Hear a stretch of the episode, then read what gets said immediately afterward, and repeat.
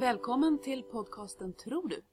Svenska kyrkans ungas nationella arbetsgrupp för tro och identitetsfrågor som sänder podcast tillsammans. Och eh, vi som är här idag, det är jag som heter Maria Hammarström. Och Anders Weijeryd heter jag, ärkebiskop i Svenska kyrkan. Och det är Andreas Rovio. Och Johanna Sjöström. Och om det är så att du vill ta kontakt med oss efter den här eh, podcasten och komma med synpunkter eller kanske idéer om vad du tycker att vår podcast borde handla om. Då kan du kontakta oss antingen via vårt Twitterkonto som då är eh, snabel svk unga tro eller genom vår e-postadress tro svenskakyrkansunga.se eller vår Facebook-sida som heter precis som den här podcasten Tror du? Men nu ska vi börja med att eh, presentera vår gäst, ärkebiskop Anders Wejeryd. Kan du berätta lite grann för våra lyssnare, vad är en ärkebiskop? Och vad gör du egentligen? Ja, en ärkebiskop är av gammalt biskopen i Uppsala stift. Eh, Uppsala stift kallades ärkestiftet därför att det var liksom den biskopen som skulle vara de andras ordförande. Förr på den katolska tiden, före reformationen, så hade man en lite tydligare ledningsansvar över biskoparna inom kyrkoprovinsen.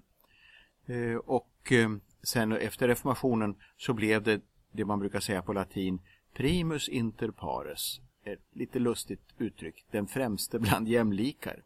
Men jag är liksom de andras ordförande och jag är också då ordförande i kyrkostyrelsen för Svenska kyrkan och ordförande i kyrkostyrelsens arbetsutskott. Och även om jag då inte har någon ska vi säga, exekutiv makt just i Svenska kyrkan så är jag ju den som folk tänker sig företräder Svenska kyrkan utåt. Eh, det är, jag får tänka på vad jag säger, eh, men jag säger rätt mycket ändå. Och så var det vad jag gjorde. Ja. Just det. Ja, eh, mitt arbete blir ju väldigt mycket inriktat på att försöka påverka Svenska kyrkan åt sådana håll som jag tror är viktigt och rätt.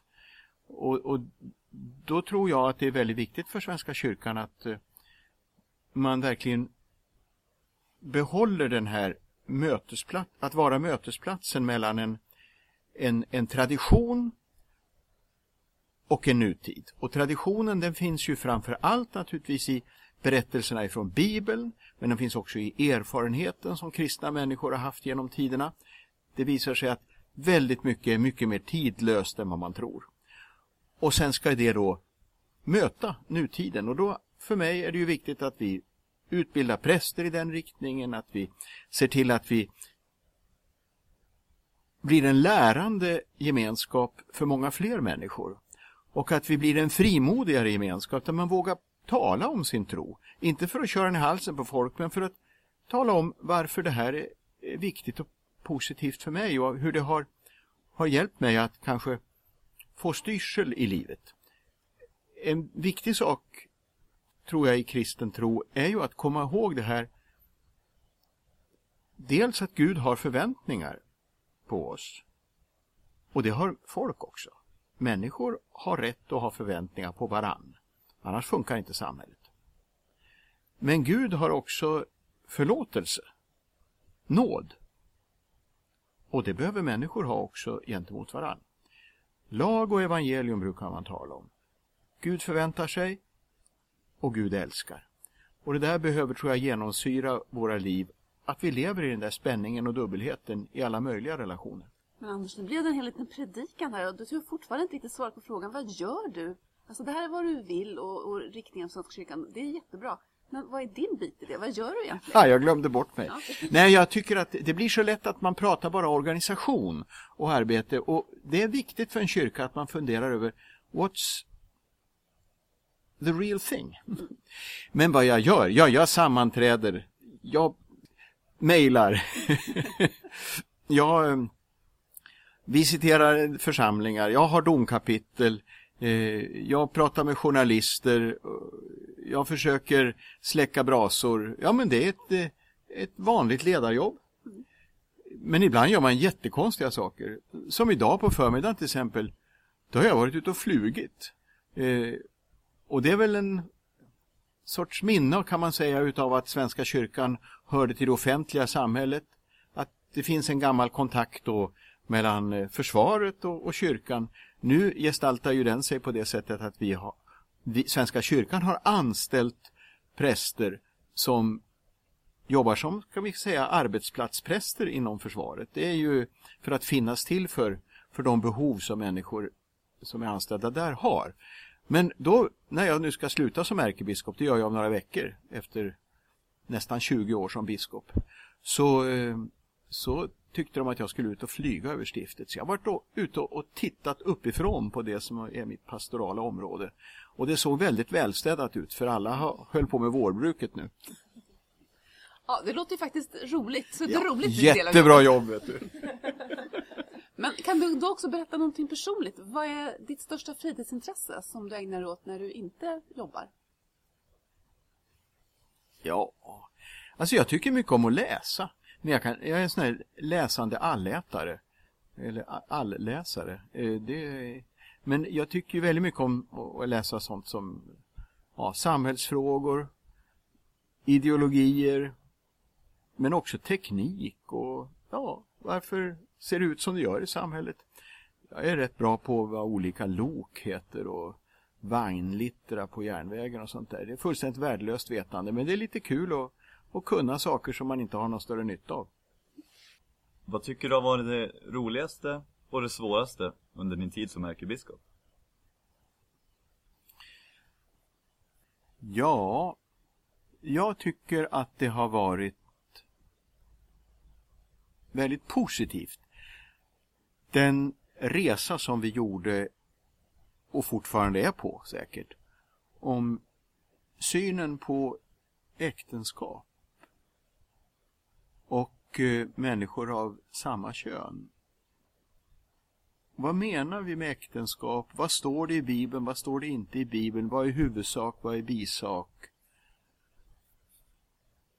Många har ju framställt det där som att det var världens eh, stridsfråga och kyrkan skulle falla sönder i bitar och så. Det är klart att det är spänningar i, i den här frågan fortfarande. Eh, och det kommer då förbli därför att det är så djupa övertygelser och, och det måste man ha rätt att ha djupa övertygelser. Men jag tycker ändå det sätt som, som processen genomfördes med eh, hur man lyssnade ändå på varandra och vad som skrevs och tänktes och vändes och vreds. Den ledde ju till att flera av oss faktiskt bytte lite åsikter. Och det tycker jag är ett gott tecken på att man har, har fört en, en bra, genomgått en bra process. Eh, jag själv eh, ändrade mig delvis, även om jag var, tyckte det var självklart att kyrkan skulle välsigna livsvaraktiga relationer mellan människor av samma kön. Eh, jag var tveksam till att det skulle kallas äktenskap. Jag tänkte att äktenskap skulle kunna vara en del utav olika former av livsvaraktiga relationer. Och att jag tänkte äktenskap är nog någonting annat ändå. Men ju mer jag tittar på det här och hur vi som tradition har resonerat i en luthersk kontext så kom jag fram till den här åsikten. Och jag tycker faktiskt att det där är, jag är glad åt det, att vi har kunnat behålla en oenighet eh, med respekt. Så det tillhör det positiva. Då kan ju en del säga, ja men hur blev det då internationellt, ekumeniskt och så? Vill de inte vara med oss längre nu? Och eh, jag tror inte det är erfarenheten. Vi har nog tvärtom blivit lite intressantare eftersom vi har faktiskt vågat oss på att ta en sån här diskussion. Och eh, det är ju inte så att vi på något vis är, är mera utanför gemenskaperna nu än förut. Eh, den som vill titta närmare upptäcker att vi har väldigt omfattande internationella relationer. Delvis mer omfattande än förut. Och jag blev vald till president i Kyrkornas världsråd nu för åtta år för Europa eh, i samband med generalförsamlingen. Enhälligt av folk från hela världen. Det skulle jag inte ha blivit ifall man misstrodde Svenska kyrkans hemort i kristenheten. Eh, och det, det ser jag faktiskt som en väldigt uppmuntrande sak. Ja, sen frågar de om jag tycker var det svåraste. Ja, ja, alltså en sak som... Nej, alltså var ganska svår. Det, det, men som visade liksom på hur, hur knepig Svenska kyrkan är. Att det finns så mycket frihet och inga tydliga ordningar. Det var ju det här om, om ni minns när, när man hade för att det inte skulle bli sådana sättningar på gravarna så hade man en tradition i, i någon församling att man tryckte till kistlocken. Eh, och det där blev ju en väldig reaktion på. Eh, och eh, att försöka hantera det där när folk trodde att Svenska kyrkan på nationell nivå hade någonting att göra med hur de gjorde i lokala församlingar eh, på ett ansvarsfullt sätt. Det var ganska svårt. För vi har alltså faktum är att vi har in, knappast ett dugg att göra med det. Det ligger under länsstyrelser och det ligger under en fristående organisation som inte hör till Svenska kyrkans organisation som heter Svenska kyrkans arbetsgivarorganisation. Men att då försöka hantera det här med den väldigt eh, uppsplittrade ansvarsfördelningen vi hade utan att ställa någon men ändå stryka under alla skulle jag säga som jobbar inom det här området praktiskt taget är oerhört pietetsfulla och gör ett fantastiskt bra jobb. Det, det var jättesvårt faktiskt. Och nu tror jag vi har en liknande sak som är på väg att segla upp nu eh, när eh, Uppdrag granskning har, har eh, haft en person som har utgett sig för att vara homosexuell men vill inte vara det. Vill att har gått till några präster i, i enskilda samtal och, och velat att de ska be för honom för att han ska slippa det här. Och eh, den här diskussionen som kommer upp då säger kyrkan en sak. Vi har ju nämligen sagt att det tillhör inte vår praxis att be för folk. För vi tror inte att det här är på det viset en sjukdom som man ska bli befriad ifrån. Att vi säger det men sen gör det en del präster annorlunda. Det tror jag också blir en sån här svår sak att hantera medialt. Men det får vi se. Det blir väl, blir väl bland det sista jag ska göra innan jag avgår. Tack så mycket. Är det, vi går vidare, någonting som du är särskilt stolt över som du har gjort? Ja, det kom lite oväntat.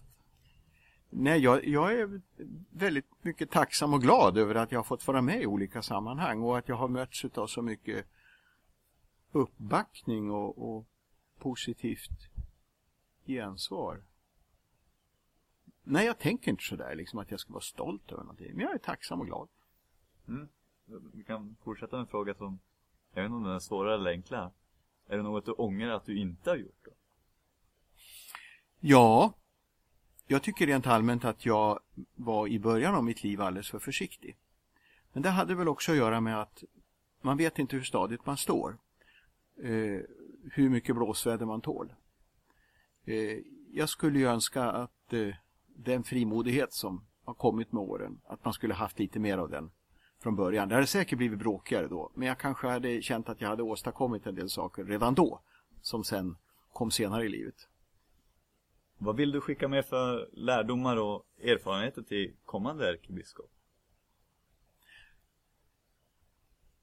I did it my way. You have to do it your way. Nej men alltså det går inte så mycket och, och, och i sådana här arbeten, man, man, får inte det här uppdraget om man inte har prövats i olika sammanhang. Och, och har det funkat där så, så ska det väl funka på det här stället. Men, eh, men glöm inte att relatera. Bli inte för uppfylld utav firman som jag brukar skoja och säga ibland. För att det riktiga livet det levs ju eh, utanför kyrkoorganisationen. Men det, det tror jag säkert att de är medvetna om. Det behöver inte jag säga. Vilken sorts ledare har du velat vara som ärkebiskop? Jag har aldrig haft någon sån där djupsinnig ledarskapsfilosofi men eh, vi kom att prata om det ett par stycken här för ett tag sedan.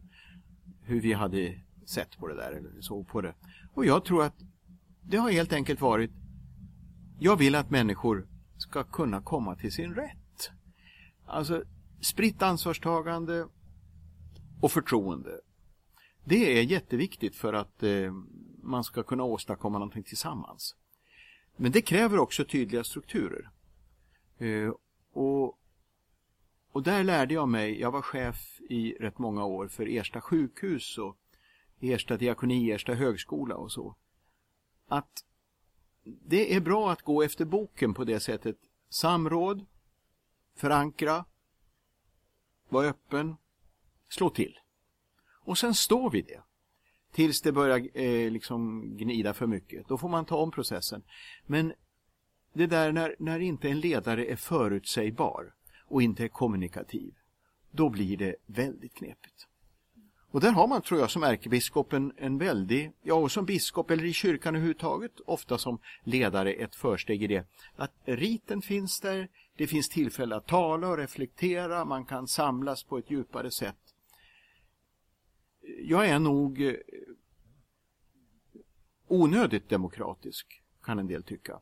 Och, och, då kan de tycka att jag varit långsam med beslutsfattande. Ibland har jag väl varit det för att jag har varit lite feg. Men ibland är det helt enkelt det att det ska mogna så att man är många som står bakom det. Och sen så ska man ha utrymme för att folk tycker annorlunda. De måste vara lojala men man har aldrig någon rätt att eh, göra livet surt för varandra. Jag tänker att Svenska kyrkan behöver för ledare i framtiden. Sådana som jag? Nej, Nej det, det, det, varje generation måste ju bedöma det där själv. Jag tror ju att det kommer att vara viktigt ett tag framöver med de som kan förena kunskap med det personliga. Utblick med en självklar samhörighet i kyrkan så man inte behöver vara rädd för att man har hamnat på fel ställe. Nu kommer en ganska svår fråga. Om någon frågar dig vad Svenska kyrkan är, vad skulle du svara då? Ja, det är ju en, en gemenskap av människor som vårdar en massa erfarenheter. Som för med hjälp av de erfarenheterna och att man är en, en plats för att också samtala och dela orienterar sig och förvaltar då också en organisation och byggnader och ett, ett stort, en massa, vad ska vi säga, titthål in i historien och därmed också in i framtiden. För att eh, nästan ingenting är nytt under solen. Eh, nej men för mig är det ju eh, framförallt det här dynamiska. Eh, och eh, och är det vi som har hittat på det då? Nej, väldigt mycket har vi ärvt. Och för oss som faktiskt tror på Gud så är ju det här en hälsning om att kyrkan är, den gavs åt oss. Och den har vi att förhålla oss till. Och det är inte alls bara summan utav våra nutida mänskliga ansträngningar. Så att jag är kanske inte så där förskräckligt orolig för för kyrkan. Jag är mer orolig för dem som är oroliga för att kyrkan måste ändra sig.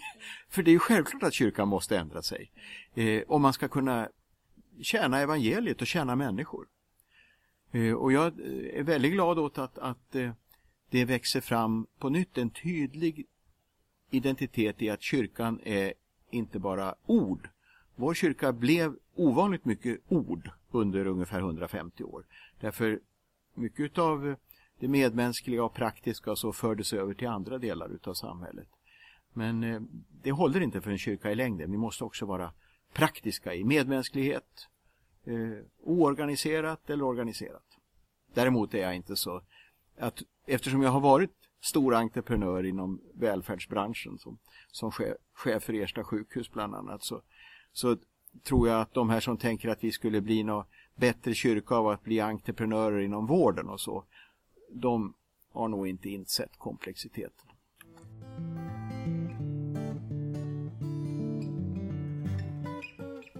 Ja, Svenska kyrkans unga är ju vår arbetsgrupp en del av. Och det är en barn och ungdomsorganisation för de som är 0 till 30 år som finns inom Svenska kyrkan. Och vi bildades 1993 och då var Svenska kyrkan faktiskt en av de som var med och bildade Svenska kyrkans unga för att man ville ha en barn och ungdomsorganisation som var självständig inom Svenska kyrkan. Så jag är lite nyfiken på hur tänker du idag? Vad tänker du är liksom, hur är, ska relationen vara mellan Svenska kyrkan och Svenska kyrkans unga?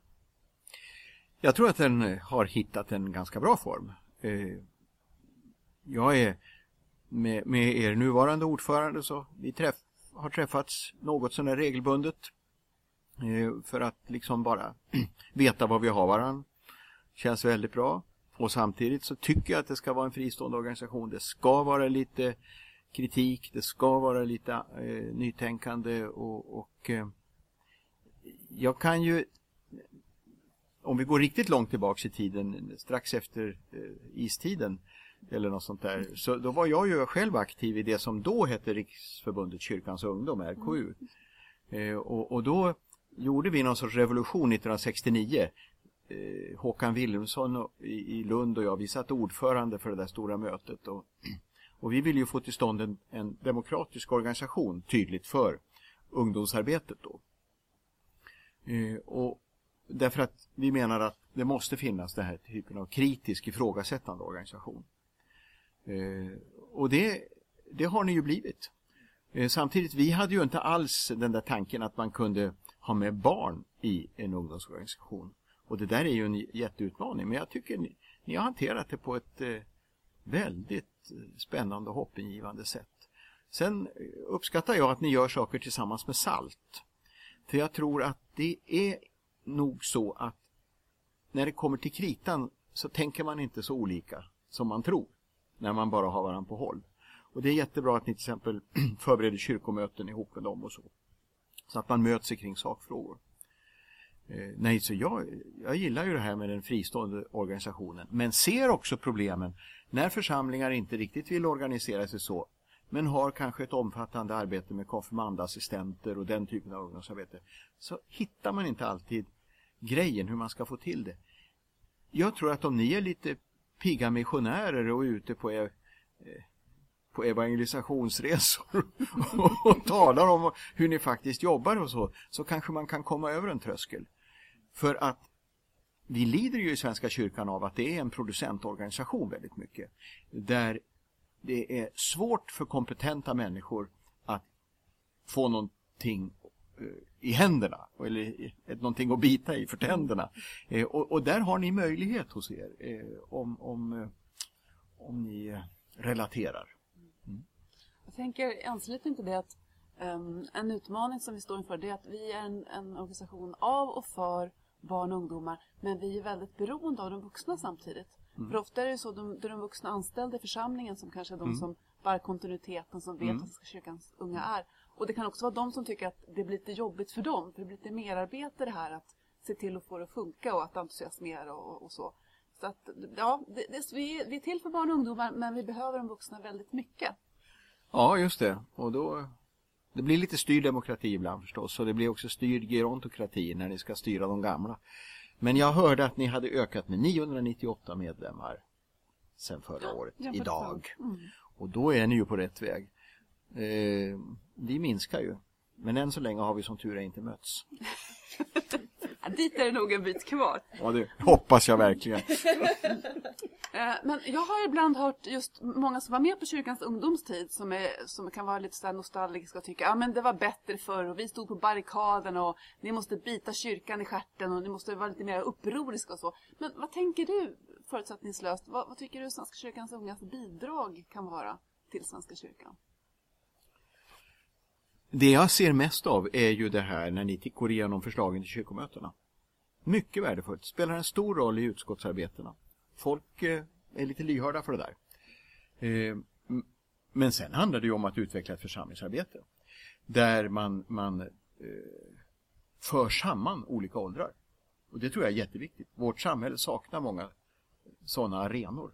Där man tillsammans gör saker oavsett ålder. Sen du, det där med barrikaderna. Det är ju myter. inte var det så märkvärdigt. Fanns det inga barrikader på den tiden? jo, det var Cabora Bassa-dammen och sånt där. minns jag när vi var i Västerås. Man skulle demonstrera mot ASEAs dammbygge och så här. Jo, jo. Men, men eh, man ska nog inte överdriva det där. Sen är det naturligtvis ett problem. Jag var sen aktiv i kristna studentrörelsen. Vi var ju jättestora under 70-talet att den här generationen, vi som var födda i slutet på 40-talet, början på 50-talet, vi tog ju över så mycket. Uh, och ibland kanske ungdomsorganisationerna hellre skulle haft en lite mera gammaldags ledning. Jag vet inte. Men det, det blev på något vis som att eh, vi fick igenom så väldigt mycket av vad vi tyckte där på 60 och 70-talet. Så det, det blev liksom lite svårt tror jag Mm. att vara arg ungdom under 80-talet. Men sen kom det ju en generation igen. Men det kanske är så att man kan inte vara arg på samma sak utan att eh, problemet blir kanske att om man har varit ung och arg och sen blir eh, etablerad då förväntar man sig att de som är unga ska vara arga på samma sätt eller på samma saker som man själv var och det kanske inte är aktuellt längre. Nej, precis. Det ligger nog väldigt mycket i det. Om vi backar lite grann. Jag känner fortfarande att, att det skulle vara roligt att höra dig berätta lite grann. För när du kom, då var det en lite speciell situation. För den som hade varit före dig på ärkebiskopsstolen, det var ju KG Hammar. Och han, till skillnad från många andra ärkebiskopar före honom, så stack han ju ut. Han var ju en som gick ut i media och, och som skapade väldigt starka känslor både för och emot. En del människor uppfattade honom som att han var lös och vag och, och som flummig. Och andra tyckte att han ifrågasatte massa och, var politisk. Så att han, han skapade en massa svallvågor. Hur var det liksom att, att komma efter honom? Att eh, var liksom lugnet efter stormen? Eller hur såg du att det, att det påverkade din situation som ärkebiskop? Att han hade varit den där typen av ärkebiskop som han hade varit? Ja, det, det underlättade ju min situation. Alltså, KG hade ju tagit upp en massa frågor som ändå måste tas upp. Och, och då, var det, då var det redan gjort. Eh, jag uppfattas väl som lite försyntare och sådär. och Kanske inte provocerar på samma sätt. Eh, men eh, åsiktsmässigt så har vi väl alltid stått ganska nära varandra, KG och jag. Eh, jag har nog haft lättare att eh, finna mig i rollen som ärkebiskop för att ja, jag tyckte att den har stämt. Jag menar, jag, jag har inte haft så stora problem med liksom att jag inte har kunnat vara mig själv i det. Jag, och, och där var det nog mera en brottningskamp för honom att han ändå ville säga att, eh, att eh, jag tycker. Sådär. Eh, Du har inget behov av att säga vad att jag tycker. Jo, det har jag ju ibland, men, men eftersom jag, jag, le, jag känner en sån samhörighet med Svenska kyrkan så, så jag har kanske inte behövt så stora rådutslag utan ändå komma ungefär dit som jag tror att vi skulle. Nej, jag är väldigt tacksam över att, att ha fått komma efter en ärkebiskop som har visat på vilken komplex tolkningstradition vi står i i Svenska kyrkan, att vi faktiskt har högt i tak. Jag tycker att här har vi haft ett arv att förvalta från Nathan Söderblom som ska förvaltas vidare. Eh, att eh, sanningen ska sökas och sanningen ska göra er fria. Och eh, man, man måste alltid kunna ifrågasätta och borra djupare. Och, och Gud har gett oss en, en, en bibel som vi ska jobba med. Med bästa möjliga kunskap och i gemenskap och i bön. Men vi har inte sett allt ännu. Och vi kanske har hakat upp oss ibland på saker som, eller gjort saker stora som kanske inte för framtiden är de viktigaste. Så jag är tacksam över det. Sen har jag ju haft förmånen att få vara eh, ordförande i biskopskollegiet under en tid när vi har, har, har haft väldigt, tycker jag, öppna eh, samtal där vi har, det har varit lätt att samverka och det har varit lätt att känna uppbackning ifrån varann även om vi har haft olika tonvikter i, i frågor. Och, och som till exempel i äktenskapsfrågan faktiskt olika uppfattningar en del. Men att det, det har hållit ihop ändå. Och det är jag väldigt tacksam över att eh, vi har haft det klimatet. Så det har varit högt i tak även i biskopskollegiet. Ja, jag tycker det. Samtidigt är jag ju alltid misstänksam mot folk som säger att här är det högt i tak. För de är ofta, de har, de har ofta inte fattat hur det egentligen ser ut. Men jag, jag tror faktiskt att det har varit. Men någon annan kanske ser det annorlunda. Jag tycker ju att det är väldigt intressant just att eh, eftersom jag känner mig som en väldigt lojal medlem av Svenska kyrkan så tycker jag det är väldigt intressant att eh, när folk är kritiska utifrån så handlar det ofta om, om att, eh, att jag eller vi är otydliga.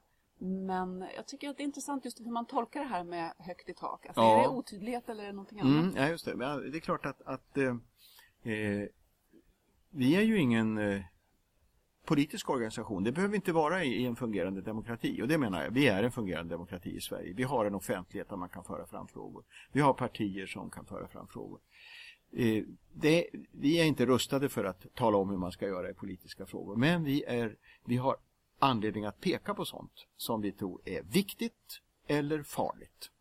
Eh, och då ska vi lämna upp det i offentligheten. Det, det har varit eh, invandrarfrågor, asylfrågor, det har varit reformen i, i sjukförsäkringarna som säkert var nödvändig men som, som drabbade på ett, ett oväntat sätt. På många. Där var det viktigt för oss inte att tala om hur det ska vara utan att tala om så här är det. Det slår så här. Eh, och där tror jag vi har gett ett bidrag. Men vår sak är ju framför allt inte att ha åsikter i varenda specifik fråga. Vår sak är ju att mötet ska ske genom det, mellan den levande traditionen, Guds närhet och nutiden. Och det gör vi i gudstjänster och det gör vi i samtal och det gör vi i diskussioner. Eh, jo, just ska jag säga. mm. Men och sen att vara tydlig med det som ingen är tydlig med. Nämligen att Gud kan ha väldigt bestämda förväntningar på oss. Och ändå när vi misslyckas och inser det, så är han förlåtande. Alltså nåden. Vi måste vara tydliga med nåden. Och det uppfattar många som mycket otydligt. Därför att de tänker sig att Svenska kyrkan ska vara en lagisk organisation. Det finns fullt med lagiska organisationer i samhället. Alla ska vara duktiga, alla ska vara lyckade. Vi måste stå här med någonting annat. Och det får de gärna tycka är otydligt. Ja, nu börjar din tid som inte bara ärkebiskop men också som yrkesjobbare att närma sig sitt slut faktiskt. Och då blir man ju lite nyfiken. Vad tänker du göra när du slutar? Ja. Jag har då alltså fått det här uppdraget med Kyrkornas världsråd. Eh, Och det lär ta några dagar i månaden under de kommande åren. Det blir ju väldigt intressant. Ja, sen så ska jag väl skriva lite grann. Nej, men jag ska försöka. Jag, jag, har, jag blev kyrkoherde och chef när jag var 28 år. Och det, jag ska försöka vänja mig vid att, att jag är någon utan att ha en massa sådana där uppdrag och ansvar. Eh, ja, jag ska ta det lite lugnt med att tacka ja till saker. Jag har tackat nej till flera saker idag redan. ja, eh, och min sekreterare här säger du, du måste säga nej. Du måste ju börja med att vara pensionär. Ja, det ska jag nog vara först ett tag. Nej, jag får se vad det blir. Jag är inte ett dugg orolig. Eh, lite förväntansfull. Tror du att det, det kommer vara, vara svårt eller jobbigt att, att inte vara den här ledarpositionen längre? Nej, jag tror faktiskt inte det. Jag har alltid haft så många olika intressen och så mycket umgänge och vänner och kompisar och sådär. Så jag är van vid att, tänker jag, att röra mig i olika sammanhang. Sammanhang där jag inte, där det är ingen som är ett dugg imponerad av att jag är ärkebiskop. Och, och då får jag vänja mig att jag, jag är inte det heller. Någonsin. Och om man, om man tittar på utvecklingen som har skett i Svenska kyrkan och när det gäller kristen tro så de senaste åren, om du tänker framöver, tror du att det finns några tydliga spår eller hur kommer det se ut tror du? Ja, jag tror att vi blir allt mer beroende av att eh, människor får hjälp eller stöd i att eh, reflektera över sin tro. Så att man kan känna att den är den är liksom lite genomarbetad och tillägnad. Eh, för det är klart, alla har väl någon sorts tro, men den är ofta ganska hemsnickrad. Men man behöver ju relatera till, till fler människors erfarenheter och kunskaper. Och att våga prata om sånt, om vi inte gör det så är jag, är jag rätt bekymrad. Eh, det är klart att en, en rörelse som hade 100% som medlemmar för bara 60 år sedan, praktiskt taget 100%, måste ju minska. Eh, men det gäller då att man ställer om sig till att bli mer engagerad. Där ser jag ju en fara i att de mönster vi har av, av kyrkor som inte har varit den här breda folkkyrkan, de är ju i de flesta fall mer slutna. Det blir de som är särskilt intresserade och det blir tröskeln blir hög att kliva in där, även om de som är där inne vill hålla tröskeln låg. Och, och här ser jag besvärliga utmaningar. Hur klarar vi av att ha den här kyrkan där man kan få vara med bara som passiv supporter eh, och som mycket aktiv och att man inte föraktar varandra. Eh, för jag tror att det är en väldigt stor tillgång det här. Andra kyrkor, de utmanas utifrån av frågor om eh, ja, alla möjliga etiska och, och politiska frågor. Så. Det gör inte vi. För alla frågorna finns redan inne i kyrkan. På det viset att det är medlemmarna som väcker dem.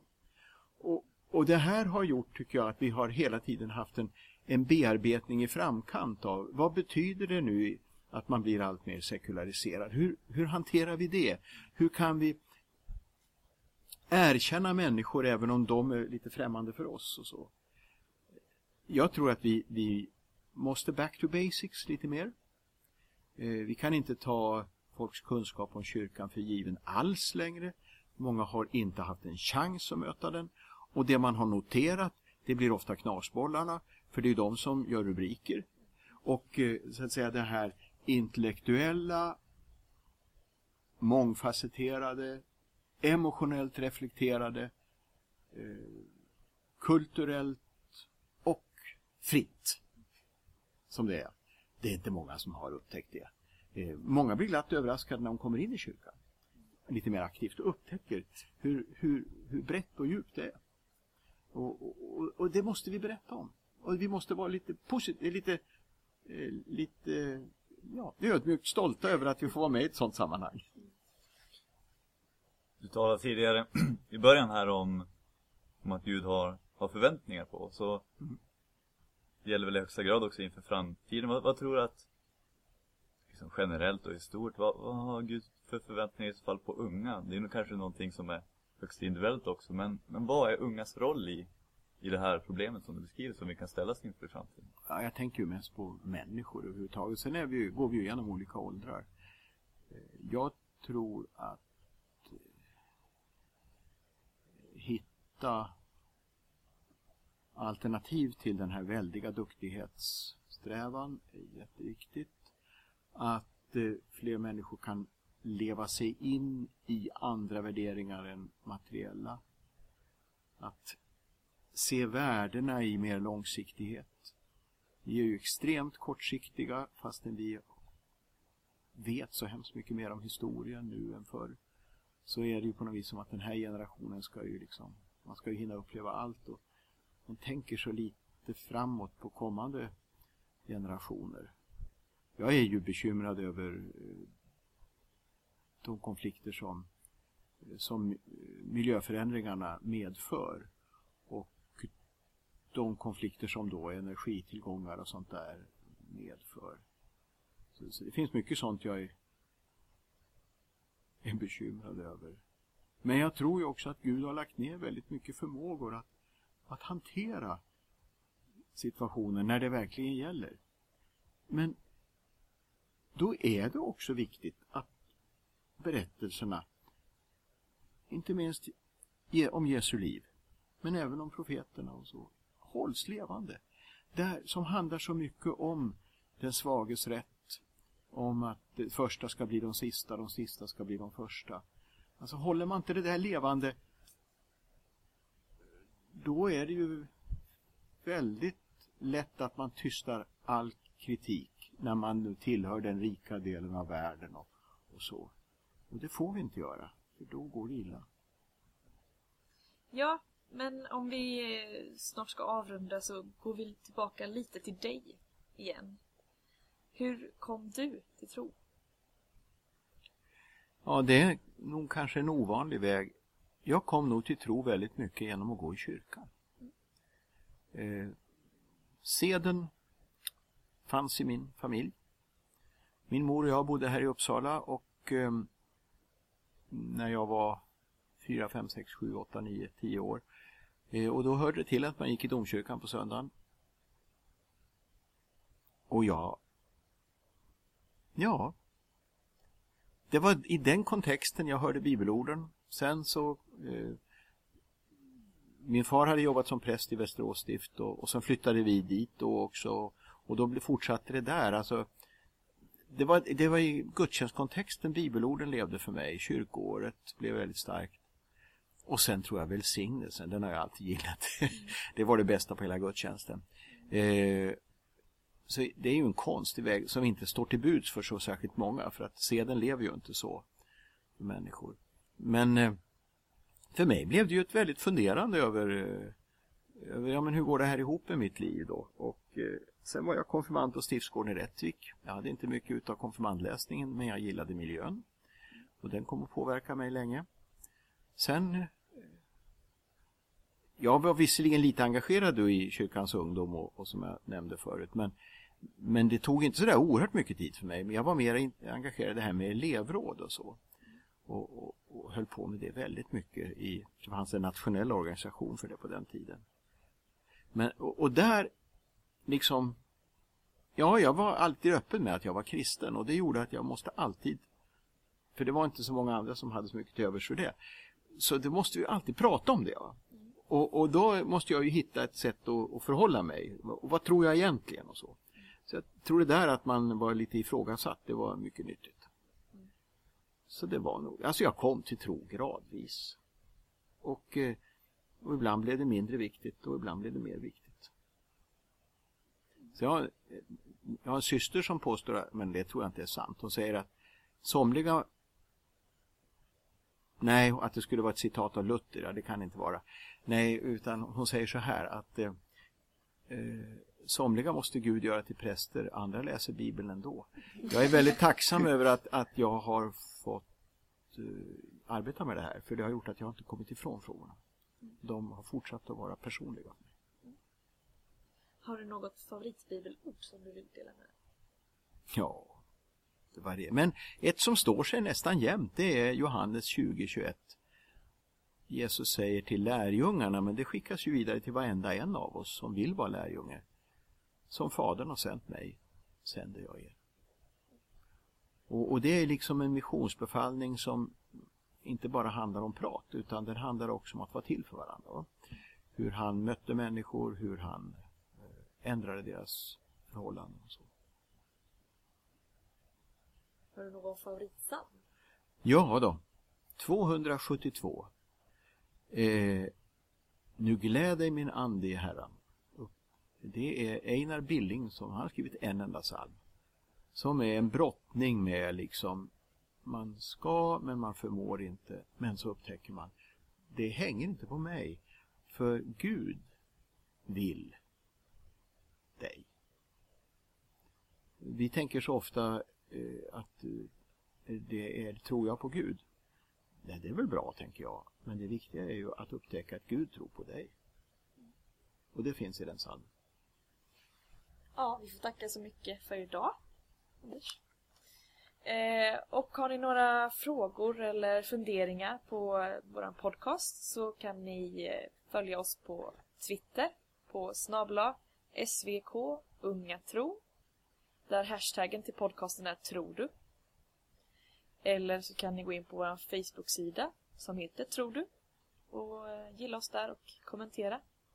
Eller om ni hellre vill mejla så går det också bra. Då är det tro svenskakyrkansunga.se Vi säger tack för den här gången och på återseende efter sommaren. Ja. Det blir sommarlov. Det blir sommarlov ja.